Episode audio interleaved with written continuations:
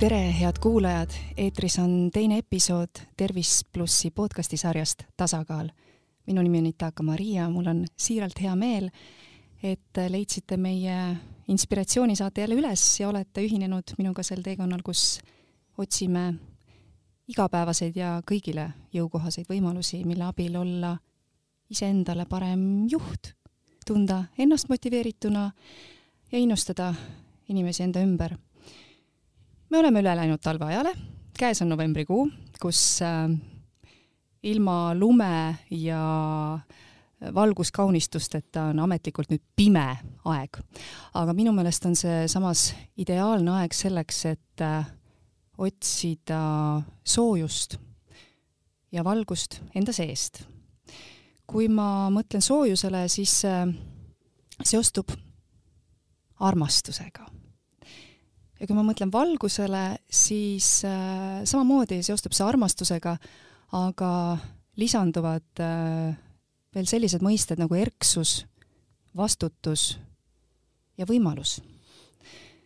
tänase saate teema ongi inspireeritud veendumusest, et äh, kaose keskel on ka alati võimalus.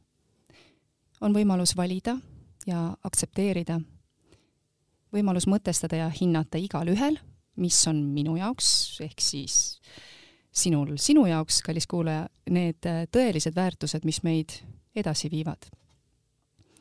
minu missioonikaaslaseks täna on Eesti sõjaline esindaja NATO-s, endine Kaitseliidu juht, kindralmajor härra Meelis Kiili, kellega koos mõtiskleme teemal, mida me igaüks saaksime selleks teha, et Eestimaal eestlasena mitte viimset luigelendu sooritada, vaid siin alles jääda. Tere tulemast! tere tulemast! kui me leppisime teiega kokku kohtumise aega, siis äh, mainisite, et olete vaid äh, paar päeva kodumaal ja lähete jälle Eestist ära, ütlesite nii ilusti ja täie rahuga, et, äh, et ei tea, millal tagasi saab, et inimene teeb plaane, aga jumal juhib. olete te minuga nõus, et sel ülimalt huvitaval ajajärgul nagu praegu on tavainimese jaoks kõige suurem väljakutse teadmatus, mis tuleneb sellest, et äh, need parema, parameetrid, jah, millega oleme seni harjunud äh, määratlema ja kontrollima oma mugavustsooni, need on nüüd tarvis ümber vaadata e. enne kui ma selle juurde lähen, siis ma tegelikult tahaks võib-olla puudutada kaamust ja, ja armastust ja, ja kõike seda soojust, millest algus juttu tuli siis täna on ju üksteist november ja mõtleme ennast sada kolm aastat tagasi. ja sada kolm aastat tagasi moodustati Kaitseliit, algas Vabadussõda, algas eestlaseks kujunemine, Eesti rahva olemine, iseolemine, rajati need aated. nii et tegelikult selles kaamuses sada kolm aastat tagasi oli tunneli val-, äh, lõpus valgus ja, ja miks seda tehti? Armastusest Isamaa vastu, armastusest oma inimeste vastu. nii et äh, ei ole see november Eestile olnud sugugi nii halb e,. novembrikuu on olnud äh, meile nii inspireeriv kui ka tegelikult jõudusid koondav. aga jaa, sellega ma olen nõus, et teadmatus, tundmatus, see on paljudel juhtudel hirmu alus ja selleks ongi vaja, et hirmust üle saada, on vaja iseendas selgusele jõuda, äh, tuleb iseendas äh, seada väärtused, vaadata oma tulevikuplaanid ja rakendada, nagu kirikus öeldakse, ligimese armastust. see ei ole kirikus, see on tegelikult meile kõigile endale vaja ligimese armastust. et ei ole vaja alati hukka mõista, hukka mõista on lihtne aga mõistmine on keerulisem. praegu on see aeg, kus me peame mõistma, milles siis on need põhiprobleemid, miks me siis riidleme üksteist. ärme riidle. no aga samas äh, nii keerulisel ajal äh, nagu praegu kõik muutub kogu aeg. kuidas äh, kuidas seal nagu püstitada neid väiksemaid eesmärke ja, ja hoida fookuses suuremat pilti? No vaadake, meil on põhiseaduses on selline nagu preambul, kus on meie rahvuslikud väärtused kirja pandud. võtame rahulikult need ette, vaatame, mida iga inimene saab selleks teha ja äh. küsima oma juhtidelt äh, tarka juhtimist. nii et noh, mulle meeldib see, kui Donald Rumsfeld kunagi ütles, et, et aeg on see, kus äh, meid juhivad tundmatud tundmatud. aga seda võib, äh, seda võib edasi arendada ka veel, et meil on üsna palju tuntud-tuntuid. võib ka öelda, et meil on tuntuid tundmatuid aspekte mm -hmm. ja tundmatuid tund-, tuntud aspekte mida me teame, aga mida me oleme ära unustanud. just, ja kui selle kui selle juurest nüüd liikudagi äh, turvalisuse teemasse, siis äh, ongi nii, et riigi kaitsmiseks ka peab eelkõige valmis olema rahvas ise et kellel siis ongi täpselt äh, põhiseadusest tulenev kohustus ja, ja õigus oma riiki ja inimesi kaitsta. aga siin kuidas teile tundub, kas rahvas on selleks valmis, oleme me rahvana adekvaatsed kaitseküsimustes? ja rahvas on valmis ja, ja just ma rõhutangi seda, et äh, see viimane, et meil on õigusriiki on seda mm, -hmm. Sest kui me paneme ta nüüd emotsioonidesse, siis vaadake ise, kumb on tugevam emotsioon, kas kohustus või õigus? minul on õigus oma riiki kaitsta ja minult ei tohi seda õigust mm, -hmm. kellelgi ei ole õigust minu õigust ära võtta. ja riigikaitse kõige põhilisem aspekt ongi monoliitne ühiskond. Monoliitne ühiskond muuseas ei teki iseenesest, see ongi see, et meid peab olema juhitud ja targalt juhitud. just ja, aga samas noh, kui on see, on see ärevus ka inimestel mõistetav, et, et kui meil on näiteks varasemaid kokkupuuteid äh, siis äh, selliseid, kus me noh, täna siis tunneme, et meid on alt veetud, et usalduse küsimuses, et olgu siis lähikontaktis või ka äh, juhtide poolt, et äh, mis see inimene nüüd siis nagu teha saab, kuidas ta, kuidas ta liigub, mis ta järgmine samm on? ja ei, ega demokraatias me muidu ei saa, kui me peame tegema, meil on, meil on antud võimalus teha oma valikuid äh, Riigikogu valimistel mm. -hmm ja minu üleskutse on inimestele, vaadake, minge, minge nendesse valimislubadustesse sisse, need, et need ei ole sellised kõlavad loosungid võib-olla, et aga, aga hakkame küsima kui ühiskond sisulisi küsimusi. kust, et me, me, millised on need põhimõtted, alused, kas nad on kooskõlas meie, meie, meie iseendaks olemisega?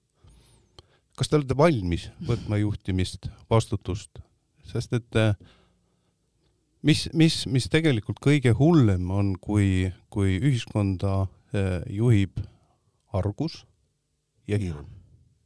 või tähendab, hirm ja rumalus tegelikult, ma ütleks niimoodi.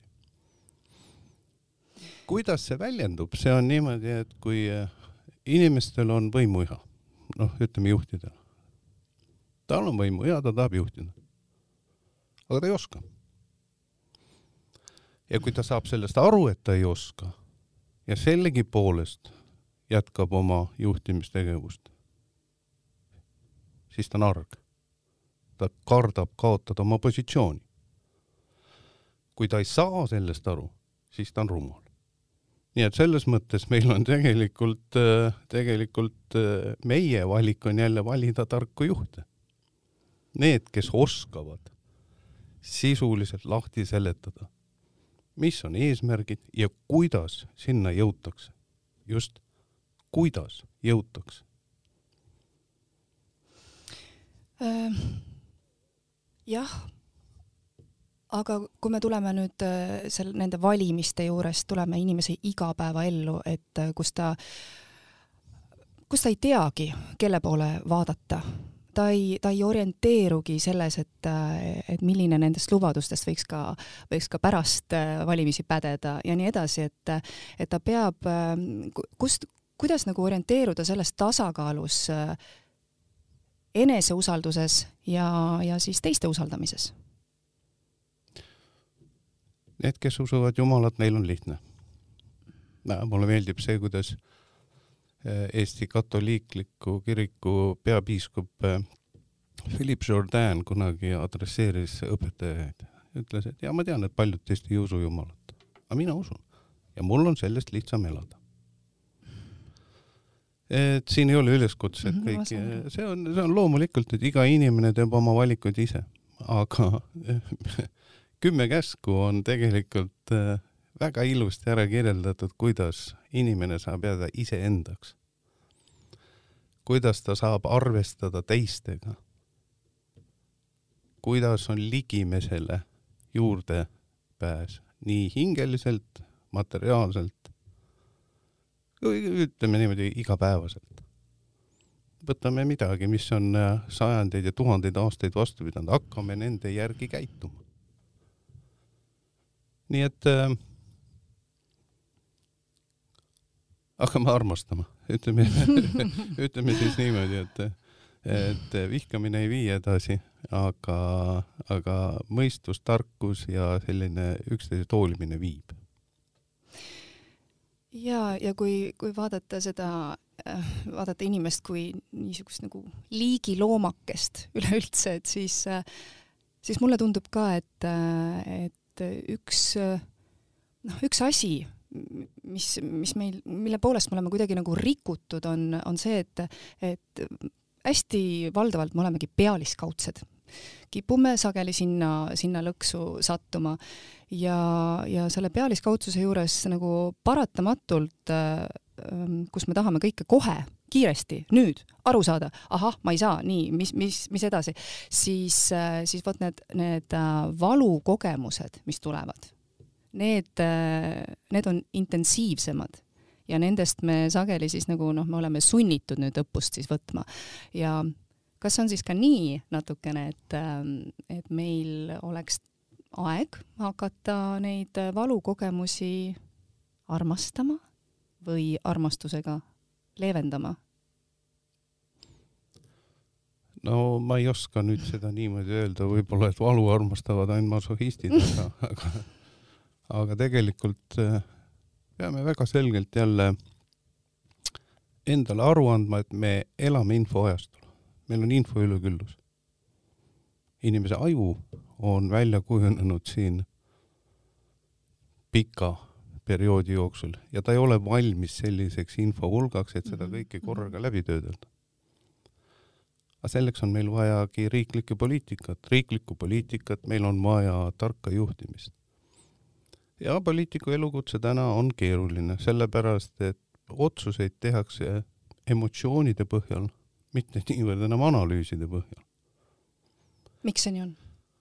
aga see ongi see, et me loeme midagi ja see, kes on, oskab paremini inimesteni jõuda, võib-olla ka populistlikult, siis otsused tehakse, meeldib, ei meeldi. mitte see, et kas on kasulik, ei ole kasulik meeldib, ei meeldi, antakse katteta lubadusi, need katteta lubadused kaetakse teiste katteta lubadustega. Et eh, see ei ole Eesti ühiskonnale mitte ainuomane, vaid et see on eh, üleilmne pro-, probleem. ma julgen seda nimetada probleemiks. info hulk on nii suur, et eh, kujundatakse oma, oma arvamusi ja, ja muuseas ajakirjandus on ka saanud sellest aru just, et arvamusi ja, ja oma poolehoidu ja kujundatakse ju pealkirjadega mm. -hmm. Pealkiri, pealkiri ja sisu äh, tihti lahknevad üksteisest.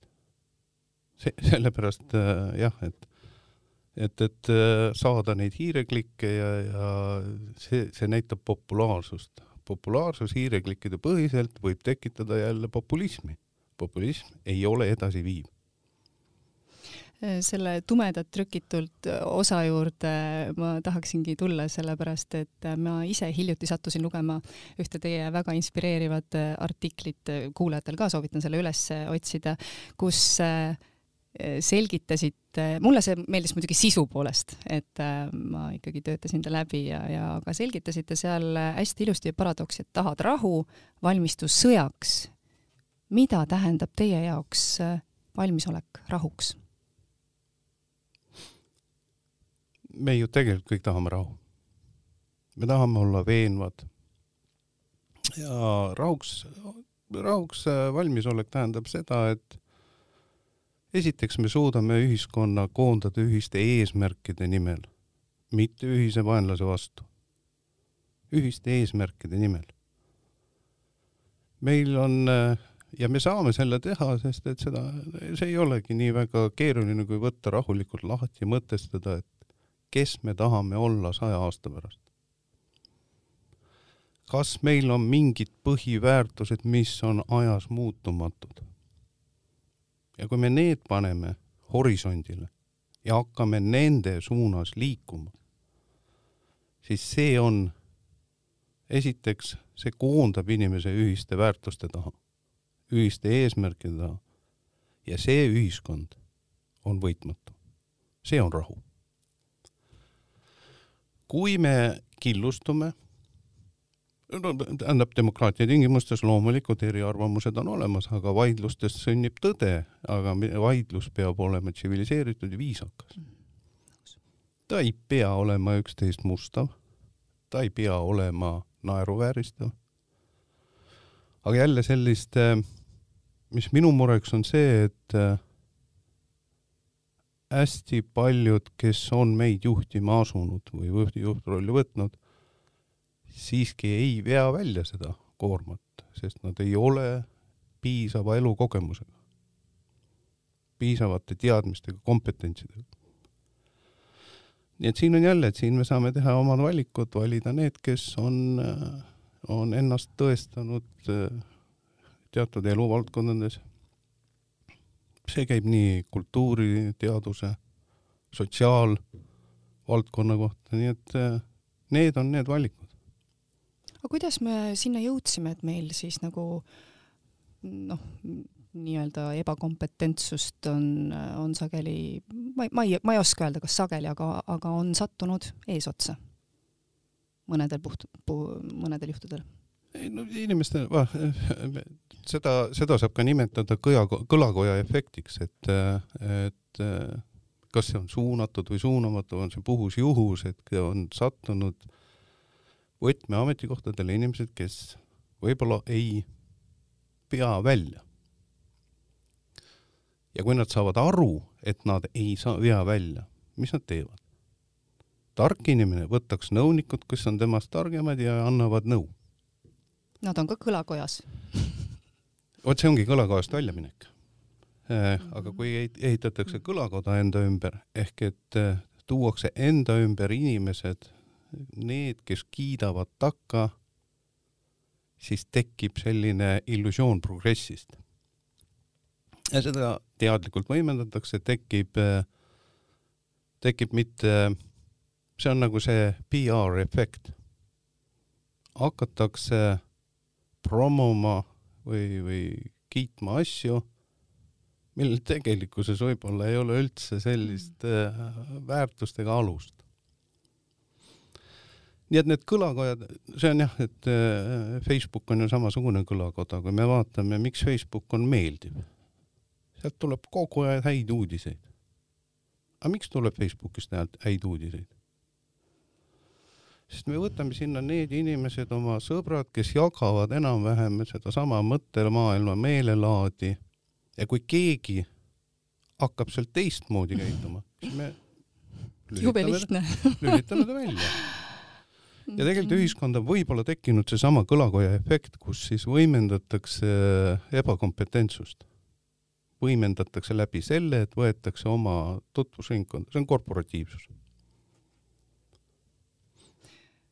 kuidas meil samal ajal on äh, lood patriootiliste tunnetega?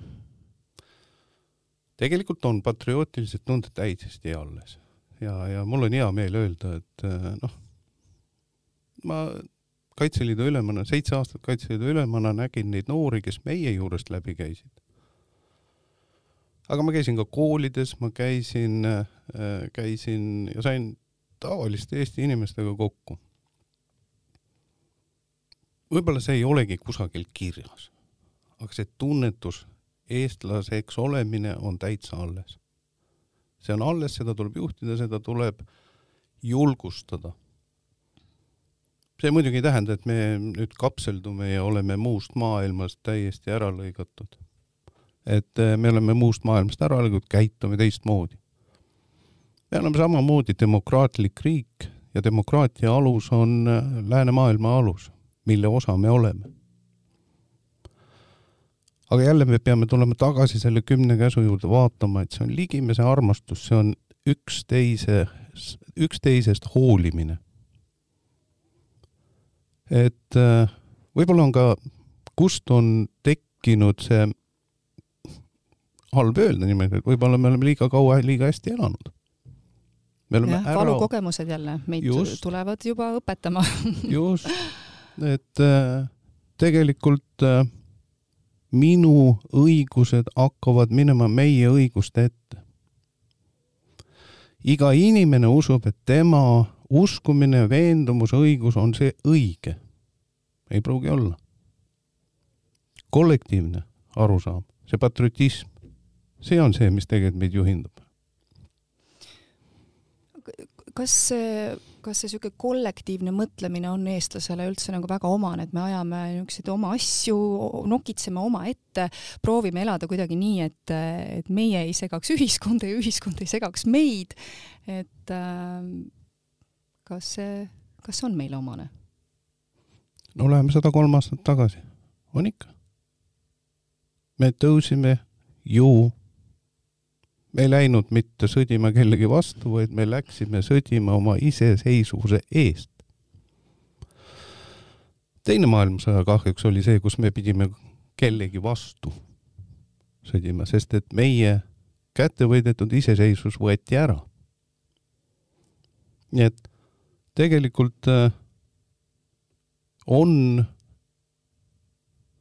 kui ja, ja räägime natuke numbritest ka. Kui miljoniline elanikkond suudab mobiliseerida sada tuhat inimest relvade alla, mis juhtus Vabadussõjas, Vabadussõjas, siis see näitab, et kollektiivne olemus eestlases on olemas. aga tavaelus ja me oleme ma, ma ei ütleks, et me oleme individualistid. me oleme reserveeritud. Meie mm, -hmm. meie, meie, meie see, kuidagi see, ei oskagi seda terminit öelda, aga me tahame ruumi ja vabadust enda ümber. privaatsust ja, ja tiibu sirutada omal moel ma pean tunnistama, et see Äh, kui ma nüüd seal välisteenistustes olen olnud või teistes riikides, siis see oli minu jaoks kõige raskem, see äh, teiste kultuuride füüsilise läheduse otsimine. et need pusemõsid ja kõik need, et see, see, see, sellest tuli teadlikult üle saada. ma ei ütleks, et see mulle meeldis ja ega ta mulle tänagi ei meeldi, et meie intiimne intiimne selline kaitsekiht on nii suur. aga see ei tähenda seda, et me ei ole kollektiivsed, et me, et me ei ole nagu ühiskondlikud, oleme ikka. See on siis äh, eeldanud ka seda, et see niisugune, need kokkuvõtmise hetked, et, et meid on, kui meil on nagu läinud selles hästi, siis meid on juhitud kindlalt. vastab tõele mm. -hmm. jõuame sinna mm -hmm. tagasi, et me tegelikult väärime tarka, ausat, riigimehelikku juhtimist. just nimelt ja väärime. Ja väärime. väärime seda. ei, Eesti, Eesti rahvas väärib riigimehelikku ja. juhtimist, et äh, siin ongi üleskutse, et ärme är,, ärge olge poliitikud, ärme oleme poliitikud, oleme riigimehed, need, kes on meid juhtima pandud. kelle meie oleme, meid juhtima Just. pannud kui nüüd veel puudutada seda, seda sõna, mis ma ei tea, minu, mind kuidagi niisuguseks nagu rahutuks natukene muudab, sõda.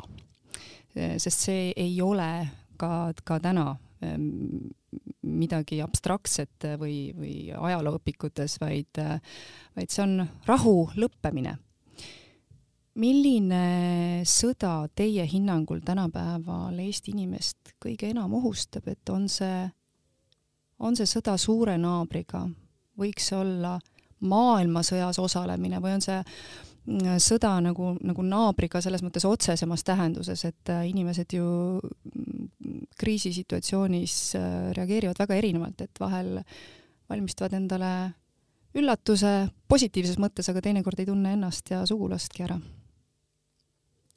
ütleme niimoodi, minu kogemus on viinud mind sõjapiirkondadesse. et äh, ma ei saa öelda, et ma olen sõjas olnud, aga ma olen sõda näinud lähedalt. See on see midagi, mida ei taha meie inimestele siia, no ei taha, ei ole vaja. see on purustus, purustused, see on inimelude hukkumine. see on kõik see, mille me oleme üles ehitanud, see läving. nii et tegelikult meie jõupingutus peab olema selles, et sõda ära hoida. ja meil on selleks väga head eelised. me suudame seda teha, kui me seda ise väga tahame.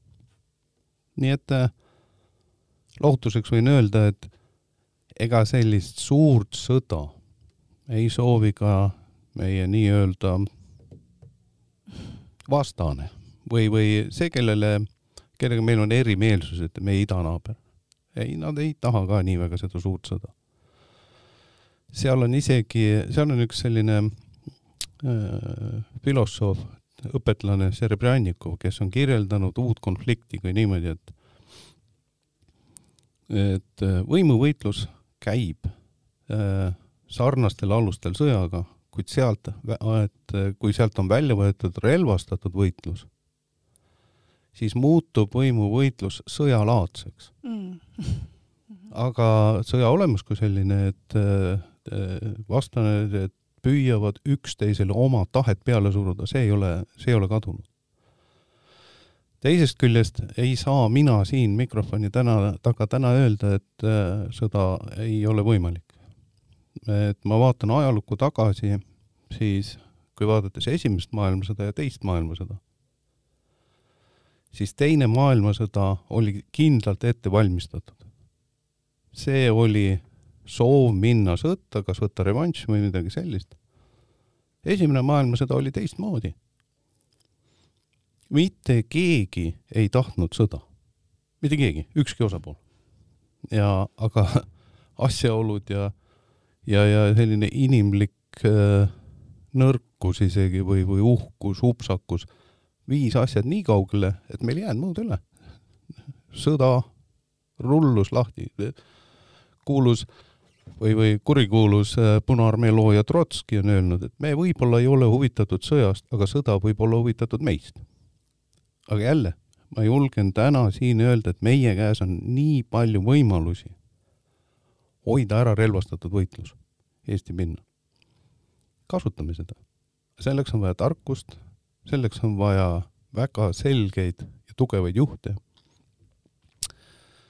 ja koostööd ja ma ei räägi, et see oleks ametkondadevaheline koostöö, see tähendab, see on ühiskonnaülene pingutus ja me oleme võimelised oma elustiili, elulaadi ja kõike seda hoidma ja kaitsma. ja, ja me saame panustada äh, siis, kui, kui meiega jagatakse ka informatsiooni avatult. et kas, kas Eesti, Eesti rahvale jagatakse praegu informatsiooni avatult? Kas meil on ligipääs kõigele või, või on ikkagi väga palju seda, mida meie eest kuidagi varjatakse ja salatakse siis me oleme niisuguses peataolekus? meil on aeg-ajalt informatsiooni liiga palju ja aeg-ajalt on informatsioon, mis peaks olema olemas. aga see ei pruugi olla sellepärast, et varjatakse, see võib olla hoopis selle tulemus, et nagu sellist ei leia üles? ei ole plaani. et mm -hmm. ja siis mhm. räägitakse, peame ootama, mõtleme, vaatame ja Sel... inimene jääb teadmatusse. loomulikult. ja selleks ongi vaja väga konkreetsed plaanid, tegevusliinid, nüüd juba hakkab rääkima sõjaväelane, eks ole, et siin, et selles mõttes et, et ette planeerimine on täiesti, täiesti normaalne ja loogiline. Winston Churchill on kunagi öelnud, et plaan iseenesest ei tähenda mitte midagi, aga planeerimine on oluline. ma olen sellega nõus. plaan peab olema niivõrd paindlikult ja hästi koostatud, et seda on võimalik jooksu pealt äh, sündmuste ja, ja olukorra muutudes muutma. planeerimine võimaldab meil hoida initsiatiivi mm. -hmm. me vajame häid ja tarku inimesi. paneme lõppeesmärgi ja töötame selle nimel. ja, ja kui nendele noh, ma mõtlen, et äh, kujutame nüüd niisugust nagu hetkeks, ainult hetkeks lähme niimoodi, kujutame ette, et on väga niisugune must stsenaarium ja inimesed on väsinud ja ei jaksa ja ja ressursid äh, vähenevad silmnähtavalt, tuntavalt äh, ei ole kindel mitte milleski, kõik on nagu üks noh, üks suur segane värk, kujutame ette korraks niisugust pilti. Mm,. aga sealjuures ikkagi tahaks, tahaks panustada edasi oma, oma riigi hüvanguks, oma laste tulevikule. kuidas, kuidas panustada ja mitte ohverdada? mis vahe on äh, teie pilgu läbi panustamisel ja ohverdamisel? panustamine ohverdamine, ohvreid peab ka aeg-ajalt tooma, ega me ju teame, inimkonna ajalugu on ohvrite toomine jumalatele ja, ja ja, ja kaaskodanike ohverdamine ja on, on valuline ohverdamine, on vabatahtlik ohverdamine. ei, me ei pea ohvreid tooma, me peame tegelikult äh, täitma oma igapäeva kohustusi ja, ja, ja tagama neid õiguseid oma, oma järel, järglastele, jääma inimesteks. aga nüüd, tulles tagasi selle informatsiooni juurde, siis äh, üks asi, mis võiks olla meie riigijuhid peaksid minema kasutama seda meediat ja kõike seda, mis meil täna on olemas. ja rääkima silmast silma inimestega. mitte andma pressikonverentse või, või säutsuma seal Twitteris. et, ähm, et Eesti Televisioon Eesti Rahvusringhääling on ju äh, meie maksumaksjate raha eest ja ta ongi mõeldud selleks kanaliks, kus saab rääkida inimestega. minge sinna, selgitage, olukord on selline, ressursid on sellised, me tahame jõuda sinna, maailm, maailma kogemus ütleb seda ja nii edasi. lihtsad sõnumid, strateegiline kommunikatsioon on Eestis, ei ole hea.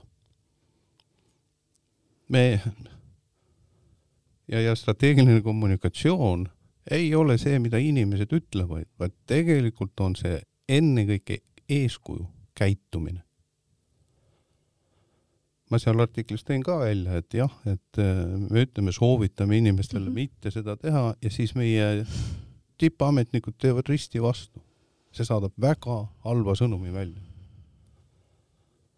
see, kes on võtnud omale kohustuse juhtida peab, peab aru saama ka sellega, et ta on võtnud omale vastutuse. ja üks asi, millest võib-olla ei ole aru saadud vastutuse juures see, et see, kes delegeerib vastutuse alla, noh, jagab vastutust laiali, see ei tähenda seda, et tema vastutus väheneks. ei vähene üldse, mitte grammigi mm. -hmm kaasvastutus ei tähenda seda, et tema vastutus oleks nüüd olematu. ei ole väga ilusti öeldud. ma ise arvan niimoodi, et äh, ka, et, et üks liigutus, mis tehakse, see äh, avaldab mõju kõikides sfäärides ja äh, ja sellepärast mina isiklikult ka pean äh, nagu päriselt edukateks äh, neid inimesi, kes teostavad oma eesmärke mitte ükshaaval, vaid, äh, vaid just nimelt paralleelselt ka nii isiklikus plaanis, perekonnas, sõpruskonnas kui ka laiemalt kogukonnas ja, ja ühiskonnas, ehk siis just kõikides kihtides ja, ja, ja vastutustundlikult selle juures siis äh, selle kogu selle imelise toetuse juures me saame rohkem panustada, rohkem mängu panna, sest me oleme ka oma potentsiaalile lähemal. et võib-olla oleks ka ilus näha igapäevaelus äh, nagu seost oma, oma niisuguste nagu äh, head tootvate valikute suhtes, et see kõik on ühiskonnale kasulik ja on põhjust näha oma väärtust. Ja iga tegu, mida me teeme, me peame tegelikult vaatama, et kas ma võin selle asja üle uhke olla. kas, kas see, kui ma midagi teen, kas see on puhtalt egoistlik või on see ka, teenib ühiskonna huve, meie ligimeeste huve? nii et äh, see on täiesti teadlikult ja, ja, ja ilmust, see, see on välja arendatav. see on välja arendatav. Ma südamest loodan, et meie tänane vestlus inspireeris ka kuulajaid vaatlema ennast värskemal pilgul kui edukat ja võimalustele orienteeritud inimest ja ärgem laskem käest ka seda võimalust äh, küsida endalt mitu korda päevas, et mida peale hakata oma reaktsioonidega, mis kõnetavadki meid läbi erinevate olukordade suur,. suur-suur tänu, Meelis Kiili, et lõite kaasa minu missioonil milleks on, on liita inimesi ja ma soovin teile kaitstust ja hoitust, kus tahes maailma otsas te liigute. ja kuulajaile soovin ma ambitsiooni valmistuda elama rahus, eelkõige muidugi iseendaga, aga lisaks ka ambitsiooni võtta vastutus rahu loomise eest, et tunda kuuluvustunnet oma perekonnas ning ühtsust oma rahvaga. Saadan kõigile palju armastust, mina tänan teid jah, ja ütleme niimoodi, et kui me alustasime nii, et see on minu missioon, mis on muutunud meie missiooniks, et tegelikult kannab see täiesti selle tänase teema välja ja mina soovin Eesti rahvale samamoodi armastust, üksteise mõistmist ja meelekindlust. olge hoitud! aitäh!